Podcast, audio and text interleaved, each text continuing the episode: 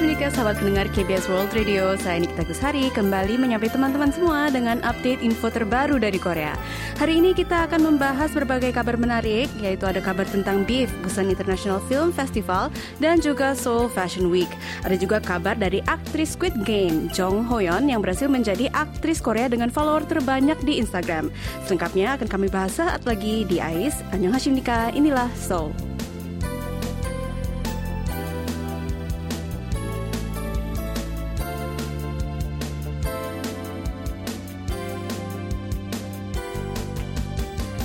pendengar, bagaimana nih kabarnya hari ini? Udah makan belum? Mudah-mudahan sehat semua ya. Dan kalau ada yang kurang sehat, saya doakan semoga lekas pulih. Ya kalau gitu udah dulu ya basa-basinya, kita langsung aja yuk. Bahas info pertama AIS hari ini. Ada hubungannya dengan Indonesia loh. Tanggal 4 Oktober kemarin, Menko Maritim dan Investasi Indonesia Luhut Panjaitan mengadakan konferensi pers dan menyatakan kalau mulai tanggal 14 Oktober nanti, Bandara Internasional Bali Ngurah Rai akan mulai membuka kembali penerbangan internasional.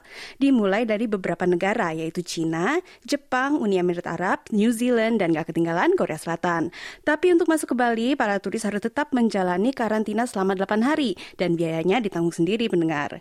Di bulan Juli lalu, kasus positif COVID-19 di Indonesia mencapai puncaknya, yaitu 56 ribu kasus. Dan baru-baru ini sudah turun hingga kurang dari 2 ribu kasus.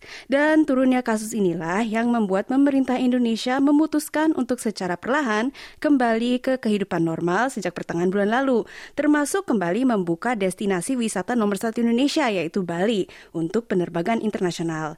Alasan pemerintah Indonesia memulai dengan penerbangan dari lima negara yang saya sebut barusan adalah karena lima negara ini dinilai cukup baik baik menekan penyebaran COVID-19.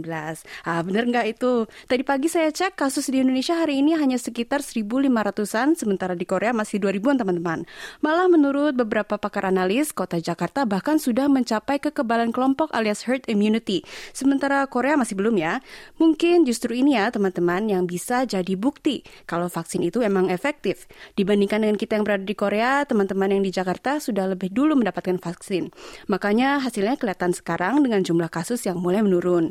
Sementara di Korea, vaksinasi tahap kedua bagi warga di bawah usia 50 ke bawah baru saja dimulai minggu lalu. Saya sendiri juga baru disuntik kedua kemarin mendengar. Masih fresh nih ya. Syukurnya selain lengan kiri bekas suntikan yang masih agak sakit, nggak ada gejala-gejala lainnya. Mudah-mudahan seperti di Jakarta, sebentar lagi di Korea juga bisa mencapai kekebalan kelompok dan jumlah pasien COVID bisa turun ya. Terutama angka kematiannya bisa ditekan hingga nol, karena itu yang paling penting. Hingga saat ini, 76 persen dari populasi Korea setidaknya sudah mendapatkan vaksin dosis pertama, sementara yang divaksin dua kali sudah mencapai 54 persen. Kemarin saya juga dapat surat edaran dari sekolah anak-anak nih pendengar. Katanya para orang tua yang sudah mendapatkan vaksin kedua diminta untuk membatasi kegiatan di luar rumah selama dua minggu. Saya sih setuju-setuju aja ya pendengar, soalnya yang divaksin itu kan hanya orang tuanya saja, dan anak-anak masih tetap rentan terkena virus dengan gejala yang parah.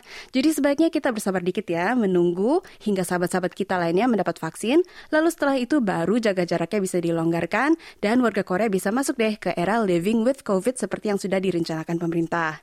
Living with COVID maksudnya adalah walaupun virus COVID masih tersebar, karena warganya sudah lebih imun, pemerintah tidak akan lagi fokus dengan jumlah kasus positif per hari, tapi lebih fokus terhadap kasus-kasus COVID yang berat dan butuh perawatan saja.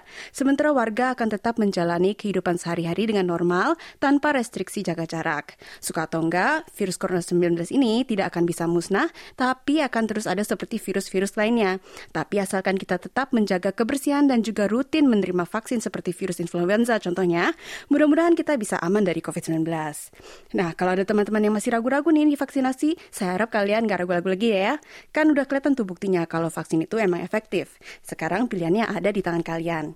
Sebenarnya alasan saya ingin semua orang dewasa divaksin agak egois nih pendengar. Saya ingin bisa pulang kampung di Indonesia. Dan saya yakin banyak juga kan teman-teman di Indonesia yang juga ingin main ke Korea. Sudah tiga tahun loh saya nggak pulang ke Indonesia. Mungkin ketemuan keluarganya di Bali aja ya sambil liburan. Terus rekaman buat KBS WRI juga dari Bali juga. Kayaknya bakalan seru deh.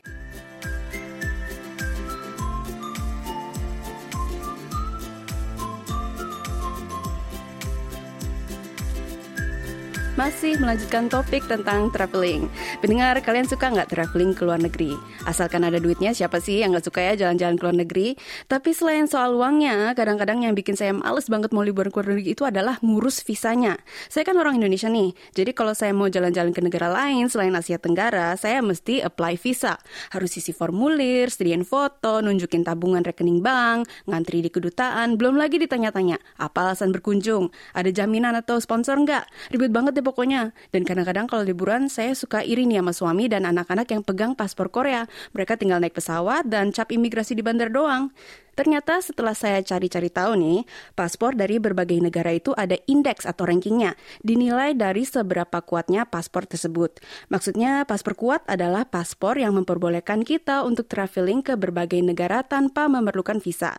Dan indeks kekuatan paspor Korea itu ternyata ada di nomor 2 di dunia. Pemegang paspor Korea bisa traveling ke 190 negara tanpa membutuhkan visa atau hanya dengan visa Pass Arrival. Indeks ini sejajar dengan negara Jerman. Indeks ini dinilai oleh perusahaan exchange internasional Henley and Partner yang disebut dengan Henley Passport Index. Mau tahu paspor negara mana yang memiliki indeks nomor satu di dunia? Untuk saat ini, posisi nomor satu dipegang oleh Jepang dan Singapura dengan total 193 negara yang bisa dikunjungi tanpa visa. Walaupun konsisten berada di top 10, sebenarnya indeks paspor Korea sempat turun ke posisi 13 di tahun 2013, tapi sejak tahun 2018 konsisten berada di posisi nomor 2 atau nomor 3. Kalau Korea Utara sendiri bagaimana? Ternyata indeks paspor Korea Utara berada di posisi ke-109, posisi ke-9 dari bawah, yaitu dengan 39 negara yang bisa dikunjungi. Sedangkan Indonesia ada di posisi 78 dengan total 71 negara yang bisa dikunjungi tanpa visa atau dengan visa on arrival apa saya ganti warga negara aja ya jadi warga Korea? Suami kan orang Korea, anak juga orang Korea, tinggalnya juga di Korea. Tapi sayangnya saya masih, bukan sayangnya sih, tapi saya masih cinta banget dan bangga jadi warga negara plus 62 nih. Gimana dong? Kalau pendengar di posisi saya nih, kira-kira kalian mau nggak ganti paspor ke paspor Korea?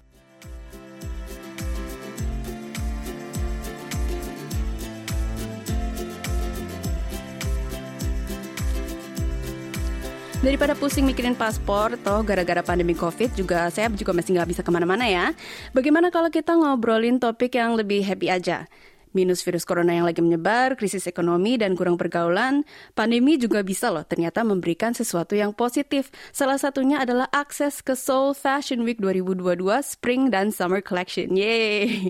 Kenapa saya bilang positif? Itu karena biasanya kan kalau ingin nonton Seoul Fashion Week, kita harus dapat undangan eksklusif atau nggak beli tiket yang mahal. Dan kalau nggak nonton secara langsung, paling kita cuma bisa baca ulasannya di majalah atau lihat secuil klipnya di internet atau program TV tentang fashion. Tapi berhubung kita masih di tengah pandemi, Seoul Fashion Week tahun ini bisa diakses lewat video di berbagai media sosial, mulai dari YouTube, Naver TV, V-Live, Instagram, sampai TikTok. Mulai hari ini, dari tanggal 7 Oktober sampai dengan 15 Oktober minggu depan, Seoul Fashion Week akan merilis video runway dan film fashion dari 37 brand fashion yang turut berpartisipasi dalam Fashion Week. Lima istana besar Korea, Gyeongbokgung, Gyeonghwagung, Changdeokgung, Doksogung, dan juga Unhyungung disulap menjadi panggung runway fashion show musim semi dan musim panas 2022 bertema perpaduan antara dinamika kota Seoul dan peninggalan budaya tradisional Korea. Pembukaan Seoul Fashion Week dirayakan hari ini yaitu pukul 12 siang tadi dengan penampilan dari artis hip hop DPR Live. Brand fashion yang sangat ditunggu di antaranya adalah Holly No. 7, Beyond Closet, Dukan, Caruso, Saint Mill, Kaze Delang, Kahie, dan Vegan Tiger brand pakaian vegan pertama di Korea. Dan seperti yang sudah saya ceritakan minggu lalu nih, beberapa brand ini juga akan menampilkan berbagai busana kreatif yang ramah lingkungan. Kalau nggak puas hanya dengan nonton videonya aja, kita juga bisa beli loh pakaiannya. Mulai dari tanggal 13 hingga 19 Oktober nanti, Fashion Code, agensi konten kreatif Korea atau disingkat KODE, juga akan mengadakan trade show buat para pembeli dari dalam dan luar negeri.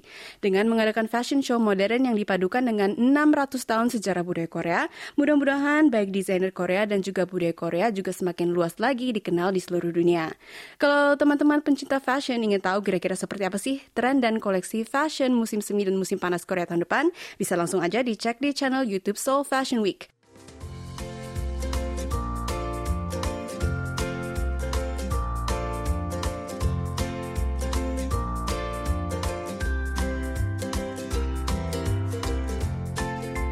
Kalau tadi kita bicarain soal salah satu event paling penting di dunia fashion Korea, untuk info selanjutnya saya akan membahas salah satu event paling penting di dunia perfilman Korea, yaitu Festival Film Internasional Busan alias BIF. Festival film terbesar di Korea ini resmi dibuka kemarin sore tanggal 6 Oktober pukul 6 di kota Busan melalui upacara pembukaan yang di-host oleh aktor Song Joong Ki dan aktris Park So Dam. 223 film dari 70 negara akan ditayangkan di BIF tahun ini. Film karapan sutradara Im Sang-soo, Heaven to the Land of Happiness, terpilih sebagai film pembuka, sementara film Anita, garapan sutradara Hong Kong Langmen Leung Lokman, akan menjadi film penutupnya. Beda dengan tahun lalu yang penayangannya sangat terbatas, tahun ini penayangan film-film ini bisa dinikmati di layar lebar franchise bioskop terbesar Korea seperti CGV, Lotte Cinema, dan lain-lain. Selain penayangan film langsung di layar lebar, berbagai event yang tahun lalu tidak diselenggarakan gara-gara COVID seperti acara bintang-bintang terbuka, penyampaian pidato di panggung panggung dan event hand printing juga akan diselenggarakan secara outdoor tahun ini. Tamu-tamu yang akan hadir juga oke-oke loh pendengar. Para top tier sutradara Korea seperti Bong Joon-ho, semua pasti udah kenal ya dengan film karyanya Parasite. Selain itu ada juga sutradara film Old Boy, Park Chan-wook, sutradara legendaris Korea Im Kwon-taek, dan masih banyak lagi. Sutradara dari luar negeri termasuk sutradara Jepang Ryusuke Hamaguchi dan sutradara Jerman Bastian Meyerson. Walaupun banyak sekali event terbukanya dibandingin tahun lalu, protokol kesehatan untuk para partisipannya masih dijaga ketat loh pendengar. Pertama-tama, para partisipan harus menjalani tes PCR minimal 72 jam sebelum mengikuti acara. Dan juga harus melengkapi vaksinasi COVID minimal 2 minggu sebelumnya. Selain itu, anggota pres atau penonton yang ingin ikutan juga harus reservasi dulu secara online, jadi nggak sembarangan orang bisa masuk. Teater-teater bioskop pun juga akan menerapkan protokol jaga jarak dan hanya boleh mengisi penonton sebanyak 50% dari total kapasitas. Suhu badan juga akan diukur dan disinfeksi juga akan dilakukan secara rutin setiap akhir penayangan film. Wah, ketat sekali ya pendengar. Busan International Film Festival diselenggarakan mulai tanggal 6 hingga 15 Oktober dan untuk info selengkapnya tentang jadwal dan juga film-film yang terpilih untuk ditayangkan, kita bisa langsung cek di situs resminya biff.kr. Tersedia juga loh dalam bahasa Inggris.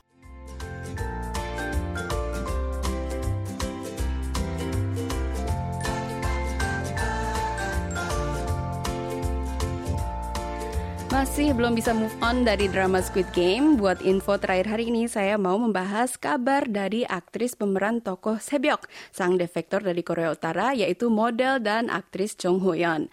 Baru saja debut sebagai aktris kurang dari 20 hari yang lalu, Jong Ho Yeon sekarang menjadi aktris Korea dengan follower Instagram terbanyak, yaitu lebih dari 15,7 juta followers. Padahal kemarin saya cek masih 13 jutaan loh pendengar. Dalam satu hari langsung naik 2 juta followers ya. Dan 2 juta ini masih belum seberapa dibandingin awalnya. Sebenarnya Jung Hoyon ini kan sudah aktif bekerja sebagai model dan sangat dikenal juga di panggung-panggung runway internasional. Tapi followersnya hanya 400 ribuan doang sebelum debut di drama Squid Game. Dalam dua minggu, followersnya langsung naik hingga lebih dari 30 kali lipat.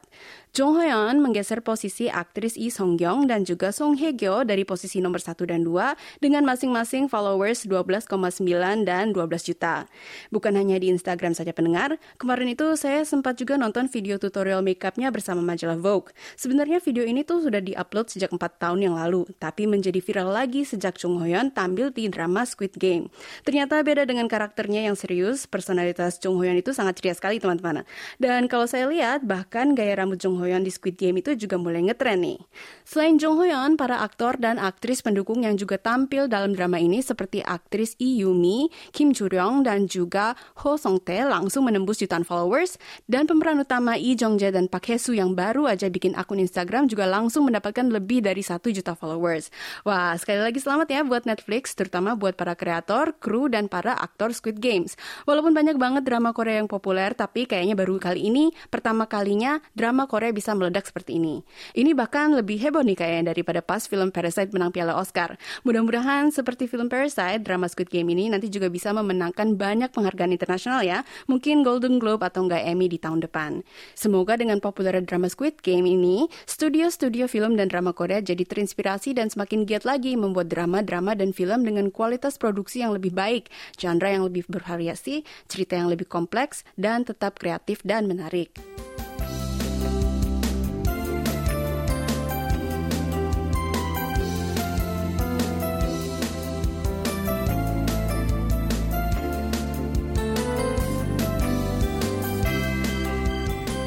Teman-teman sekian program AIS edisi Kamis hari ini. Terima kasih sudah nemenin saya. Mudah-mudahan informasinya bisa membuat teman-teman pendengar di rumah semakin mengenal budaya Korea sekaligus menambah wawasan juga ya.